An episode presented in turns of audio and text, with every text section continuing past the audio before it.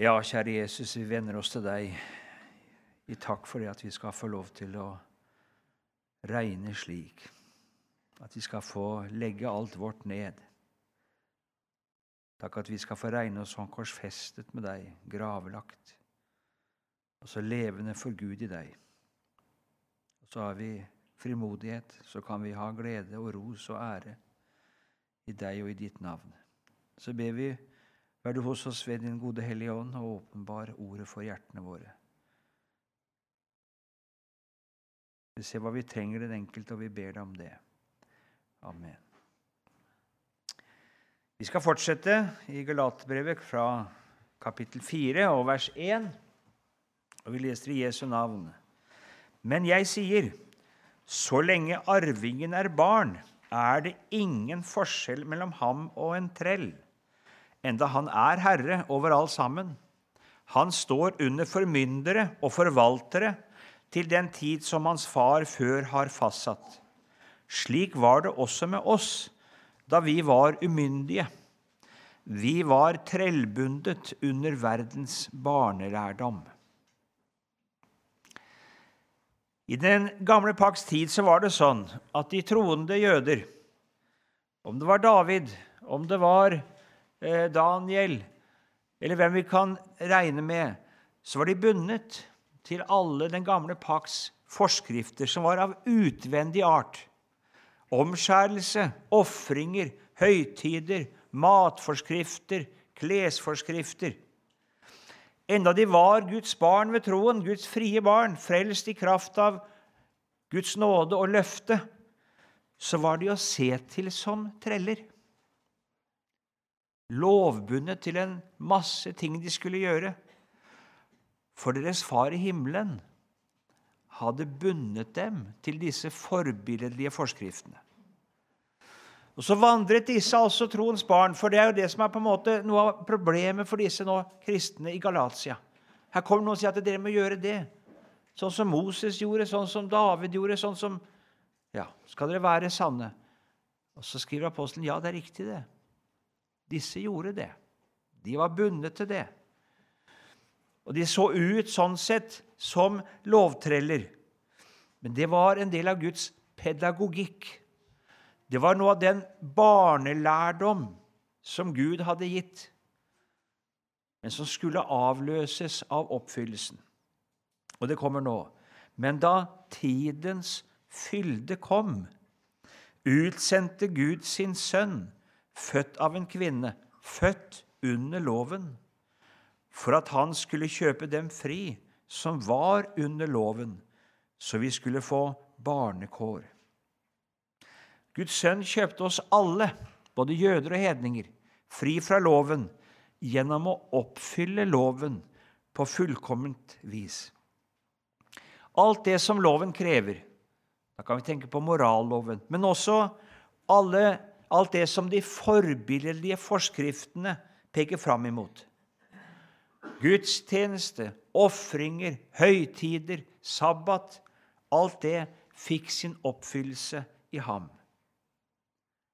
Den lov som aldri kunne frelse, men som bare kunne åpenbare synden og menneskets fortapthet.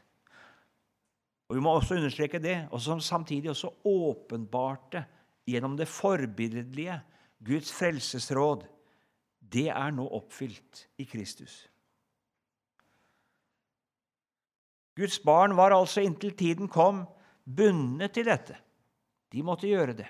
De måtte ofre. De måtte følge alle gudstjenestens forskrifter. Av pedagogiske grunner. Men nå er de kjøpt fri fra loven. Og alle dens forskrifter for evig og alltid. For nå har oppfyllelsen kommet. Jeg bruker av og til et bilde og tenker på en, en far som er på hvalfangst, sånn som de var her i dette området. da. Min bestefar han var halvt år av gangen eh, nede i Sørishavet. Og tenk da mor som barna vokser til, og så vil det at barn ikke skal glemme far. Kanskje noen er så små at de knapt de husker far. Og Så samler hun dem foran et bilde og sier at det sånn ser far ut. Og det gir jo mening. Men så en dag så er far der, og han sitter i godstolen i stua. Da samler ikke mor barna om bildet lenger. Nei. Nå kan du jo løpe rett til far. Og sånn er det alt det forbilledlige i det gamle, eh, gamle pakts tid. Det er nå oppfylt. Nå er han kommet som alt dette taler om. Nå er ypperstepresten kommet. Nå er lammet kommet. Nå er soningen skjedd. Og da forholder vi oss til han, og ikke til forbildene. Hvor meningsløst er det ikke å vende tilbake til det? Nå som Guds sønn er kommet og har løst oss og kjøpt oss fri ved å oppfylle loven. For det er alene ved troen på ham vi har barnekår. Så vi skulle få barnekår, hva vil det si? Det står egentlig sønnekår på grunnteksten.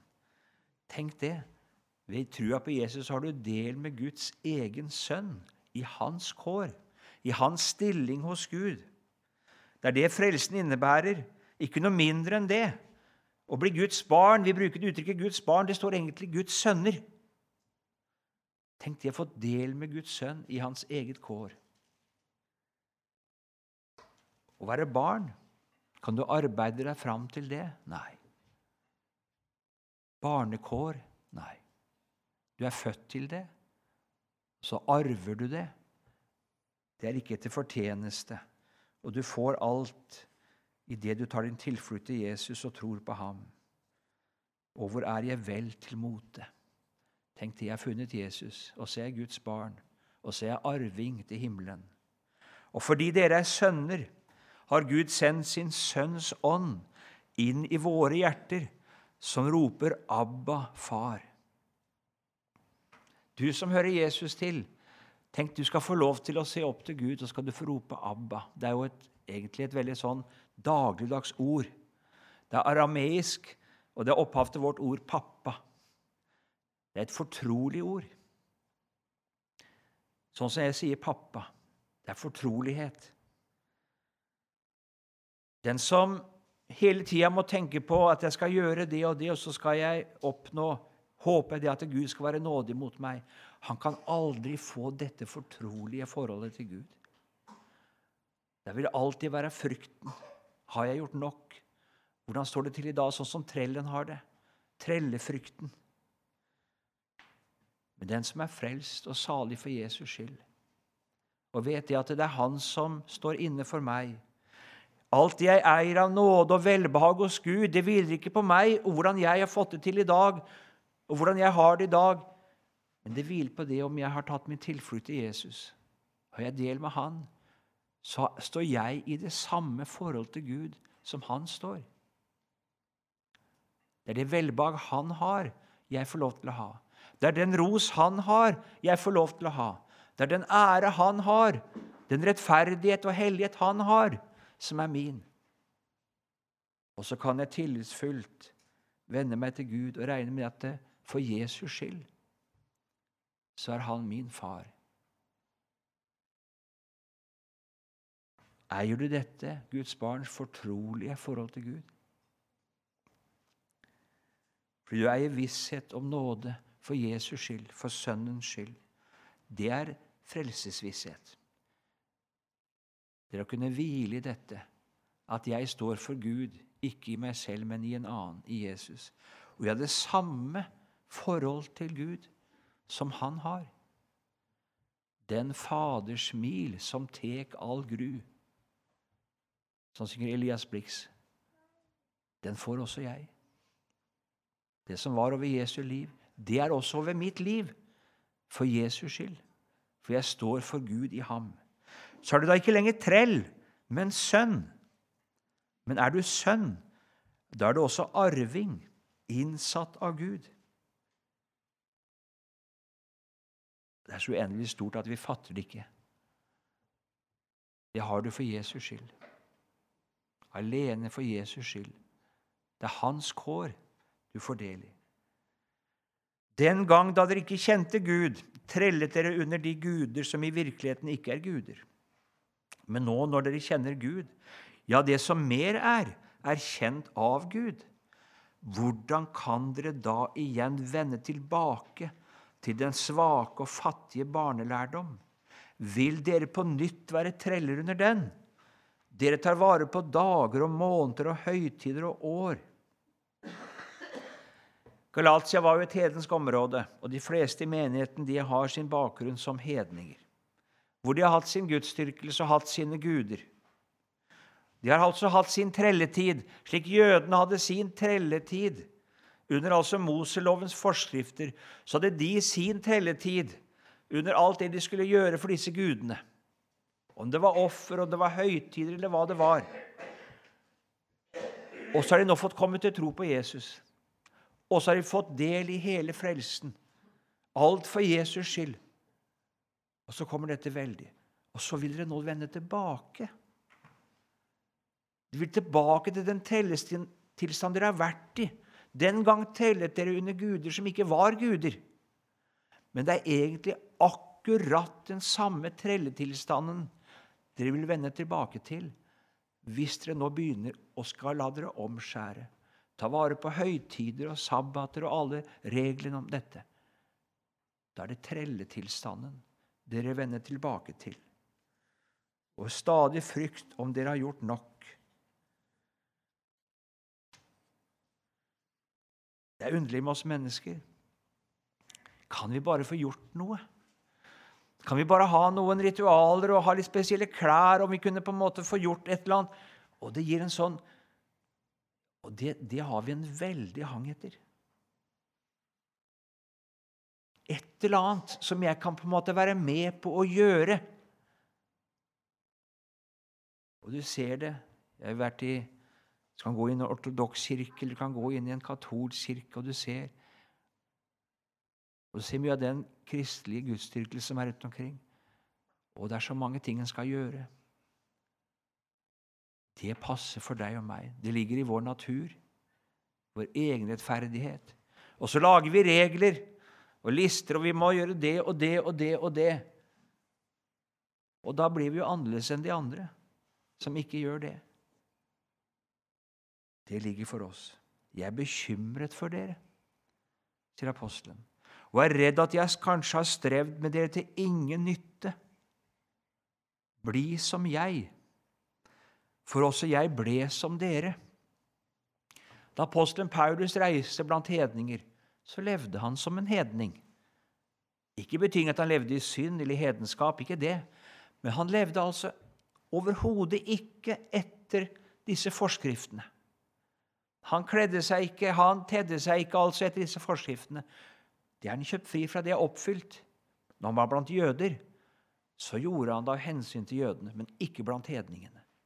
Han spiste deres mat. Han omgikk dem uten å ta vare på disse ting.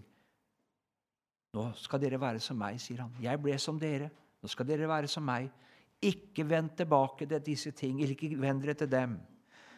Brødre, det ber jeg dere om. Dere har ingen urett gjort meg. Paulus har stått i et veldig godt forhold til Galatermenigheten. Vi skal komme litt inn på det, hvordan, hvilken glede de tok imot da han kom til den første gang. Men nå er han redd at det har kommet noe inn. At de har kommet i et motsetningsforhold til ham. Det er noen, kommet noen inn i menigheten her som har baktalt Paulus, og som har på en måte sagt at han har ikke forkynt det rette, og han har hatt forskjellige motiver for det.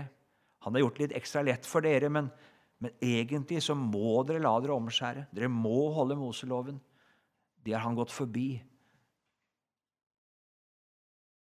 Og så kommer denne hvordan det var første gang. Dere vet jo at det var pga. skrøpelighet i mitt kjød jeg første gang kom til å forkynne evangeliet for dere. Og enda mitt kjød kunne friste til det, foraktet og avskjedde dere meg ikke. Dere tok imot meg som en Guds engel, som Kristus Jesus selv, hvor dere den gang priste dere salige.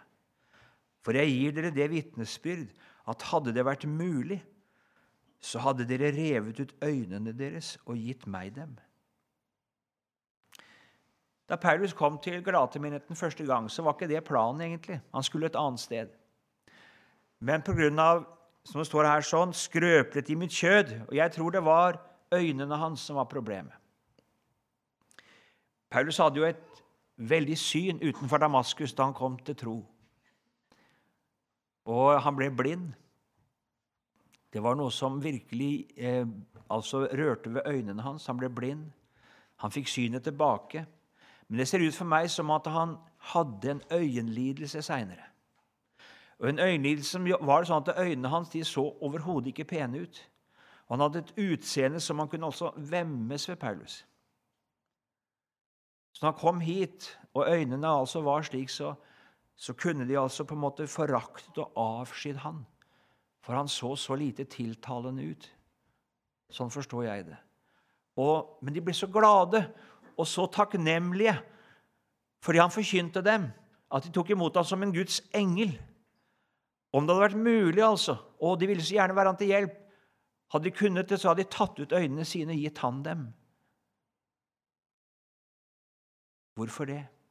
Jo, fordi han forkynte dem frelsen i Jesus. Og de ble så uendelig glade og tok imot det og priste seg salige over det budskapet han fikk tale til dem om. Nå har det kommet noen inn som sagt og baktalt Paulus. Og Så sier han det, så er jeg da blitt deres fiende. Å, hvilken omsnuing! Fra å være så glade og ta imot han som en engel. Og nå akter de han som sin fiende, fordi han har forkynt dem sannheten. Evangeliets sannhet, den sannhet som de frydet seg så storlig over en gang. Og så må han si litt om disse. Noen, sier han, legger seg etter dere med en iver som ikke er av det gode, men det de ønsker, er å skille dere fra oss, for at dere skal være ivrige for dem. Vi forstår at apostelen Paulus han synes ikke noe om denne iveren. Det kan jo se ut som misjonssinn, ikke sant? En veldig omsorg for sjelene. Men det er ikke det. Jesus sier om fariseerne at de far omkring over hav og land for å vinne en eneste tilhenger. Det virker også enormt iver og brukte masse ressurser og masse tid for å, for å nå én tilhenger, sier Jesus. Og her sier apostelen dere skal være ivrige for dem.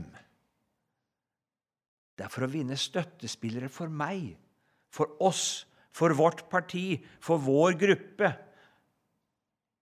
Det er det man ivrer etter.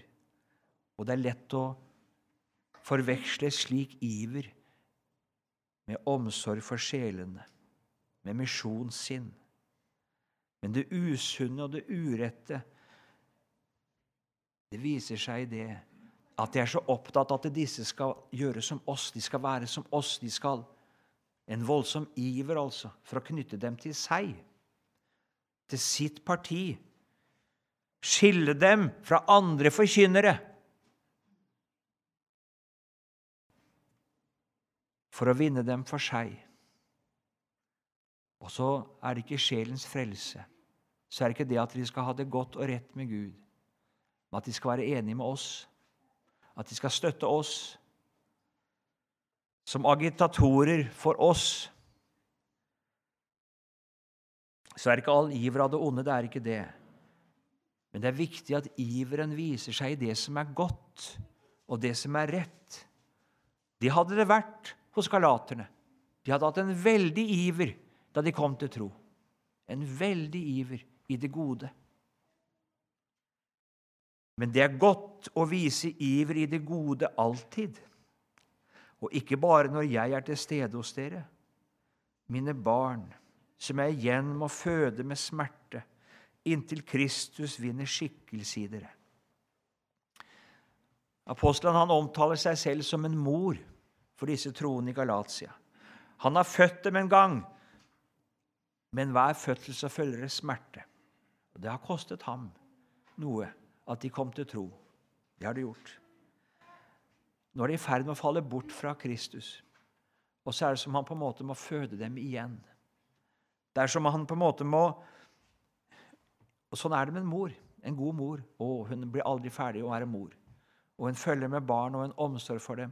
Og sånn er det med apostelen. Han vil dem vel. Og målet for det han strever så med, det at Kristus skal vinne skikkelse i dem. Jeg syns det er litt underlig at han sier det. Er ikke det viktigste, da? At disse skal bli bevart i troen på Jesus og nå er frelst fram? Jo, det er det viktigste. Ingen tvil om det. Og Likevel så sier han ikke det. Han taler om det som skjer her. Å finnes i Jesus, det er å bli rettferdig, ikke sant? Stå for Gud i ham. Men at Kristus vinner skikkelse i meg, det er noe som skjer her. At han lever i meg. Hvorfor nevner han det? Jo, for nå er det kommet inn noe kjødelig i deres liv. Det er kommet inn en kjødelig iver, en kjødelig kristendom, en masse gjerninger som de skal gjøre. Men det er ikke Kristus som lever i dem gjennom dette. Det er det ikke. Det er ikke han som skinner fram gjennom dem, gjennom dette. Det kan bare skje der hvor hjertet har sin tro, sin glede, sin hvile i Jesus og det han har gjort. Det som apostelen sa i kapittel 2.: Jeg lever ikke lenger selv, men Kristus lever i meg. Det er det han ber om for disse. Jeg skulle ønske at jeg var hos dere nå og kunne endre min røst, for jeg råder rådevill med dere. Han har fått høre fra dem, det skjønner vi, og han skjønner at det er noe som er galt. Man skulle så gjerne vært der. Det er mye lettere, ikke sant? Av og til så er det noen jeg har samtale med på mail. Jo da, det går, det. Det går mye raskere enn å skrive brev. Det gjør det jo, så du kan få raskere respons. Men det er lettere å være ansikt til ansikt. Da kunne han kanskje si at det er ikke så ille som jeg tror, men fordi han er redd for at det er virkelig ille, så må han tale ganske strengt til dem. Hadde han vært der, så kunne han mye lettere tilpasse det han, det han sier, etter reaksjonen han ser. ikke sant? Og så kunne han kanskje gått mildere fram. Si meg, dere som vil være under loven. Det var det de ville. ikke sant? De ville nå begynne på dette med omskjærelse og alle forskriftene og leve etter dem. Hører dere ikke loven? Hører dere ikke loven? Og kan apostelen bruke ordet 'loven' både om hele Gamle Testamentet og Moselovens forskrifter.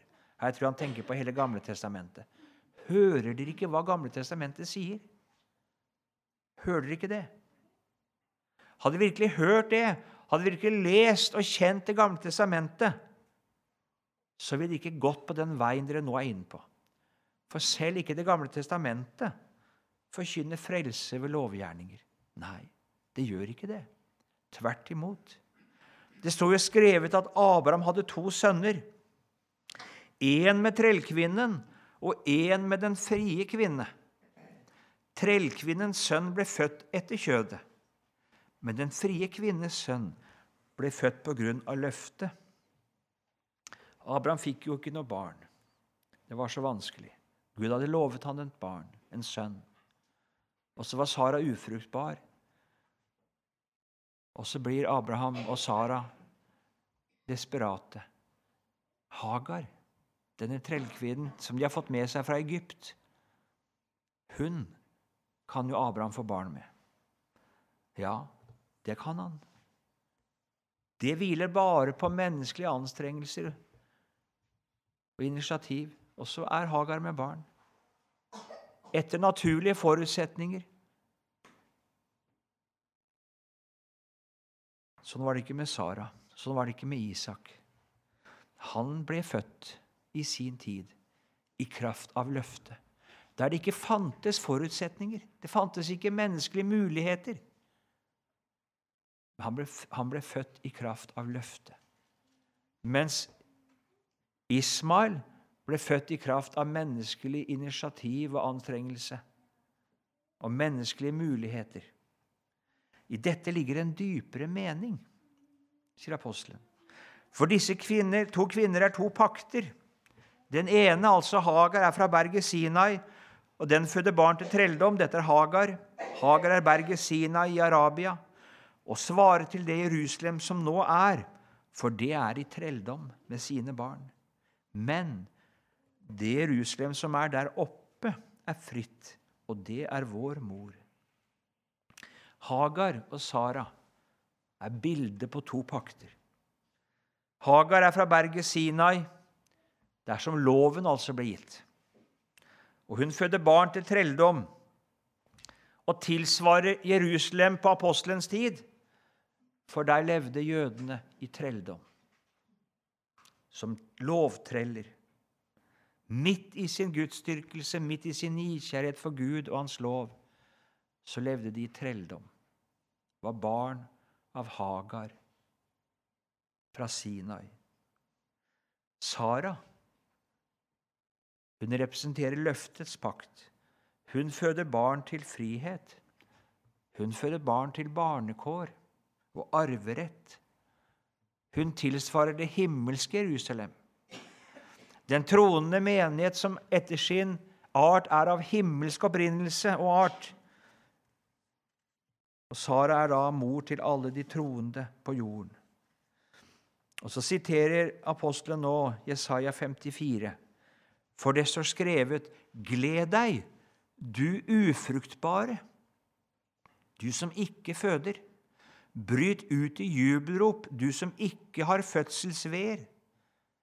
For den enslige kvinne har mange flere barn enn hun som har mannen. Her taler apostel, nei, profeten Jesaja i Jesaja 54 om det bortførte Israel det skal en dag, gjennom omvendelse og tro Dette kommer etter Jesaja 53, ikke sant?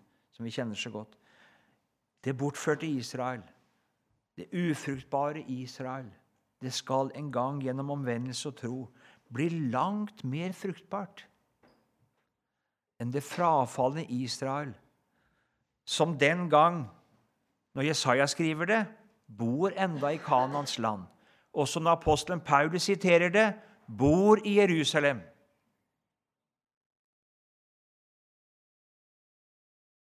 I kraft av Guds løfte så skal den ufruktbare bli langt mer fruktbar. Hagar hadde det ved seg. Hun kunne alltid få barn. Det var bare tale om naturlige forutsetninger. Og sånn er det med lovrettferdigheten. Den skaffer mange barn. Barn her det kan du sette, bruke som et billedlig uttrykk for gjerninger, og det gjøres ofte i Bibelen. Lovrettferdigheten har så masse gjerninger. Du skal gjøre det og det, og må du huske på det, og så må du passe på det, og så må du gjøre sånn. Og så har det så masse til å vise til. Jeg gjør det, og jeg gjør det, og jeg gir tiende av det, og jeg faster, og jeg går sånn, og jeg gjør det, og Det ser jo så fruktbart ut, menneskelig sett. Men det er trellebarn, alt sammen. Over alle disse gjerningene så henger et krav. Vær fullkommen. Gjør alt, eller vær forbannet. Det er kravet over disse gjerningene. Derfor er disse gjerningene trellebarn. De står under kravet om fullkommenhet eller forbannelse. Ut av den troendes liv så fødes det barn. Det går ikke så lett til. Det gjør ikke det. På en måte så går det lett fordi det gis for intet. Men på annen side så er det så vanskelig for oss å vente og sette vår lit til Guds løfte. Det er så vanskelig for oss å være som Abraham og Sara og måtte bare klynge seg til Guds løfte. Men når det først fødes barn De gjerninger som springer ut av den troendes liv, de er like underfulle som Isak. Den troendes gjerninger er like underfull som Isak, for de hviler ikke på våre forutsetninger. De gjør ikke det. De hviler på Guds løfte. De hviler på Guds nåde. Det er gjerninger som er gjort i Gud, sier Bibelen. Ikke ut fra naturlige forutsetninger. Åndens frukt og troens frukt, som vi kommer til nå i neste time, Det er ikke at du har tatt deg sammen, og så har du passet på det og husket på det, og så må du Nei. Det er et nytt hjerte, et nytt sinn som er født av Gud. Det er et under, like underfullt som Isak. Men det er langt herligere. Og det er av en helt annen opprinnelse. Det er av himmelsk opprinnelse. Ismail er av jordisk opprinnelse. Og kjødets religiøse gjerninger det kan du ta deg sammen for å få til. Bare husk på det, og så må du gjøre det og så det. Og du kan få masse slike gjerninger. Bare å ta deg sammen. Men troens gjerninger, åndens frukt, det springer ut av livssamfunnet med Jesus. Et liv i Hans nåde, i syndenes forlatelse, av løftet. Men vi brødre er løftets barn, like som Isak. Men han som var født etter kjødet, forfulgte ham som var født etter ånden. Og slik er det nå også. Altså disse som er etter Paulus her, og som kommer med alle sine ting, de forfølger han. De forfølger dette troens liv. De har ikke noe syn for det og syns det er så smått. Når Isak ble født, så var han så liten, ikke sant? og Ismael var stor. Han kunne gjøre ganske mange ting. Og han forakter dette lille barnet Isak. Han syns ikke det er noe å gjøre vesen av. Sånn er den kjødelige kristendom i forhold til den sanne kristendom. Den kjødelige kristendom har så mye å vise til. Store katedraler og flotte klær og ritualer og, og masse greier. Under og tegn og masse store forsamlinger. Og troens folk er ofte så få. Og de er ofte så fattige. I det ytre så lite å se til. Og det troens liv som utfolder seg, det er så Det synes ikke på det og det og det og det, men på glede, fred, kjærlighet, mildhet, godhet. Det er sånn så uanselig i verdens øyne. I Guds øyne er det annerledes. For han ser ikke til det ytre, han ser til hjertet.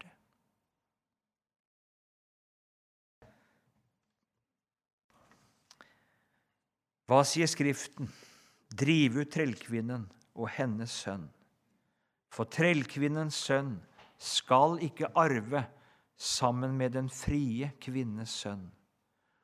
Altså, brødre, er vi ikke trellkvinnens barn, men den frie kvinnes.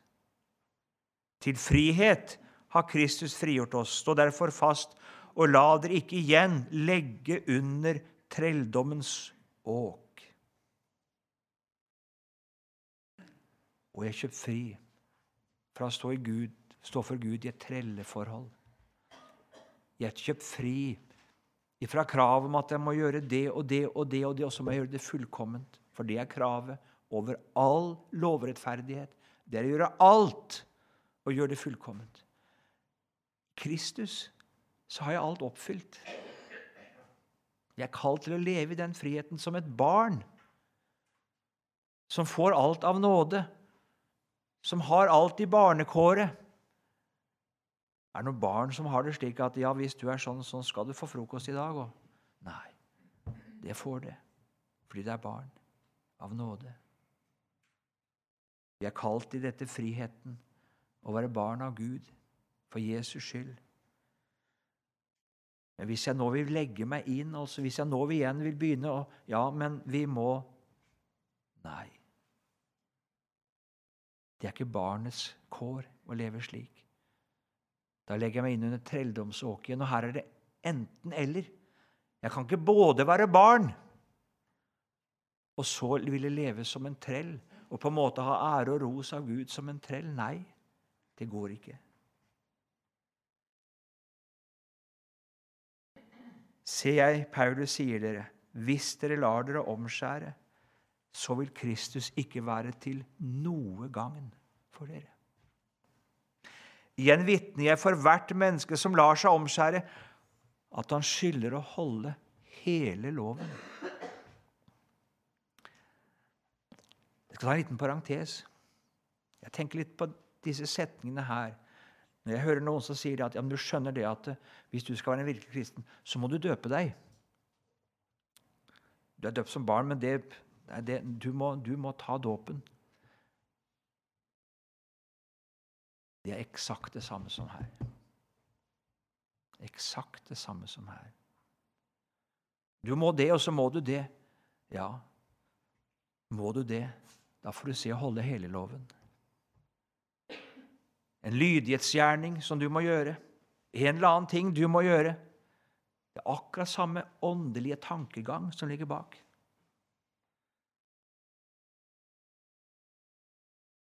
Igjen vitner jeg for hvert menneske som lar seg omskjære. Omskjærelse er den gamle pakts eh, Det som dåpen er nye pakt, ikke sant? Omskjærelsen var for jødene en gave. Som åtte dager gammel så fikk de alle løfter ikke sant, tilsagt gjennom omskjærelsen. Sånn får vi i dåpen. All Guds nåde tilsagt. Men i det øyeblikket jeg gjør det til en gjerning som jeg må gjøre, i lydighet mot Gud, da har jeg gjort det til en lovgjerning. Og da kommer jeg inn i kravet. Da får du se til å gjøre alt. Så alvorlig er det. Så vi har mange judaister i vår tid kommer ikke med krav om omskjærelse, men du må det, og så må du det, og nå må du Du må la deg døpe. Du må ikke det, sier ikke. Du må døpe deg. Du må det. Du må gå lydighetens vei. Ja, igjen vitner jeg for hvert menneske som lar seg omskjære, at han skylder å holde hele loven. Den som vil bli frelst, den som sier at du må det, og du må gjøre det, og du må det Ja, da får du gjøre alt. For det er trellens vei. Og der står krav om fullkommenhet. Så gjør alt eller vær evig fordømt. Dere er skilt fra Kristus.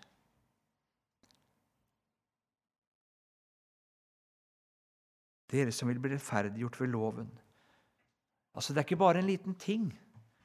Omskjærelse, et lite inngrep, det, det kan da ikke bety så mye. Jo, det gjør det.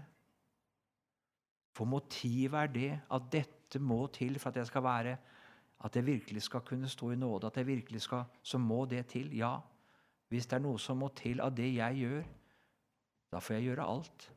Altså Her er det enten-eller. Enten-eller. Jeg kan ikke både bli frelst ved å tro på Jesus og også det jeg skal gjøre. Nei, Enten så blir jeg frelst ved det jeg gjør, og da får jeg gjøre alt. Eller så blir jeg frelst ved det som Jesus har gjort. Og da er det han alene. Han alene. For i Ånden venter vi ved tro på det som rettferdigheten gir oss håp om. Rettferdigheten i Jesus, hva gir den oss håp om? Arverett hos Gud. Evig salighet.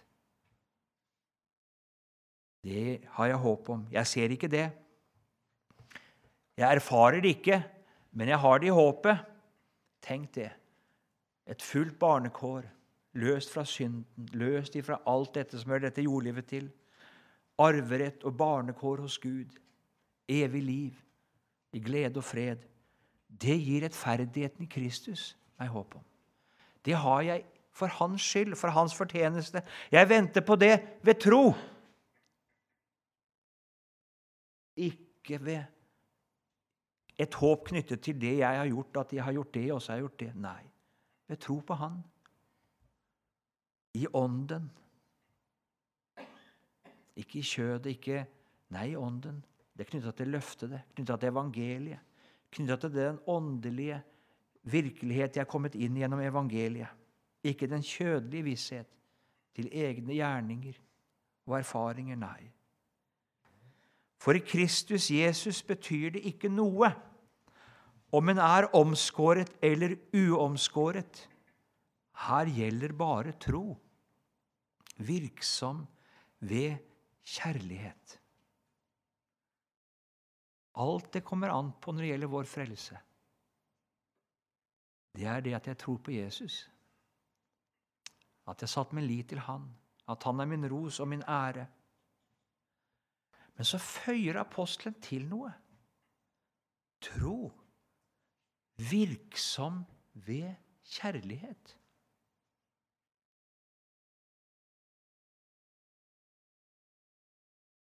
Han var ikke til stede, han, i reformasjonstiden.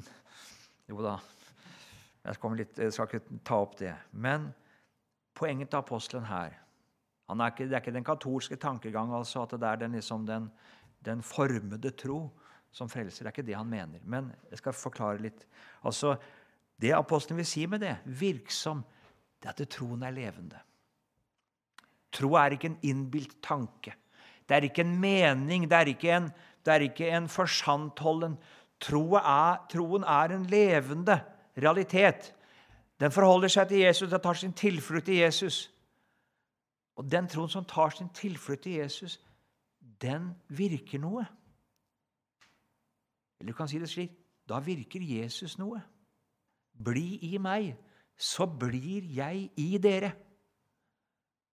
Der troen er, så er det slik. Luther han sa det sånn at troen frelser alene. Men troen er aldri alene.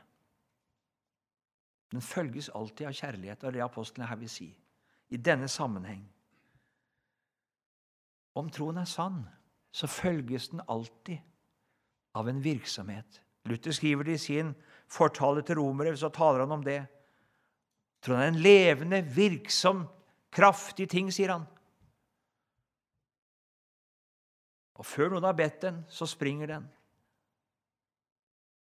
For sånn er troen etter sitt vesen. Den er virksom. Den er fruktbar. I kraft av løftet så er den det. Kjærligheten kan vi si at det er troens synlige side. Troen, den er hjertets sak. Den kan du ikke se. Men du kan se dens virkning. Det kan du se. Det blir en ny kjærlighet til Gud. Jesus har kommet inn der. Vi elsker fordi han elsket oss først. Sånn taler Bibelen. Og så er den virksom. Den er levende. Det er dette Jakob taler om i Jakobs brev. Den troen som er virksom i kjærlighet. Ja, vi må si oss snart. Dere løp godt. Hvem hindret dere fra å være lydige mot sannheten? Denne overtalelsen kom ikke fra ham som kalte dere. Det er veldig sterke ord. Veldig sterke ord. Hvem var det som kalte dem? Det var Gud.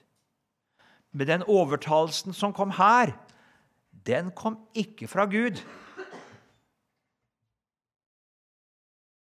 Den kommer fra løgnens far, som taler imot sannheten. Du, Her er det kristelige misjonærer, skal vi si det, her er det noen som er virksom i forsamling og sier at nå, dere må komme litt lenger. dere må... Det kommer ikke fra Gud.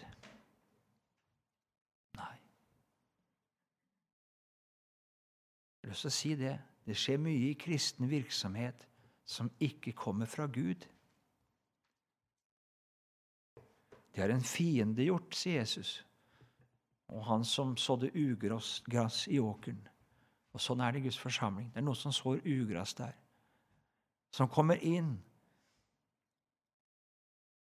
og vil ha de troende til det ene og det andre bort ifra den enfoldige troskapen mot Jesus. En liten surdeig syrer hele deigen. Altså fører vi bare noe inn her, så ødelegger vi alt. Det, det menes altså.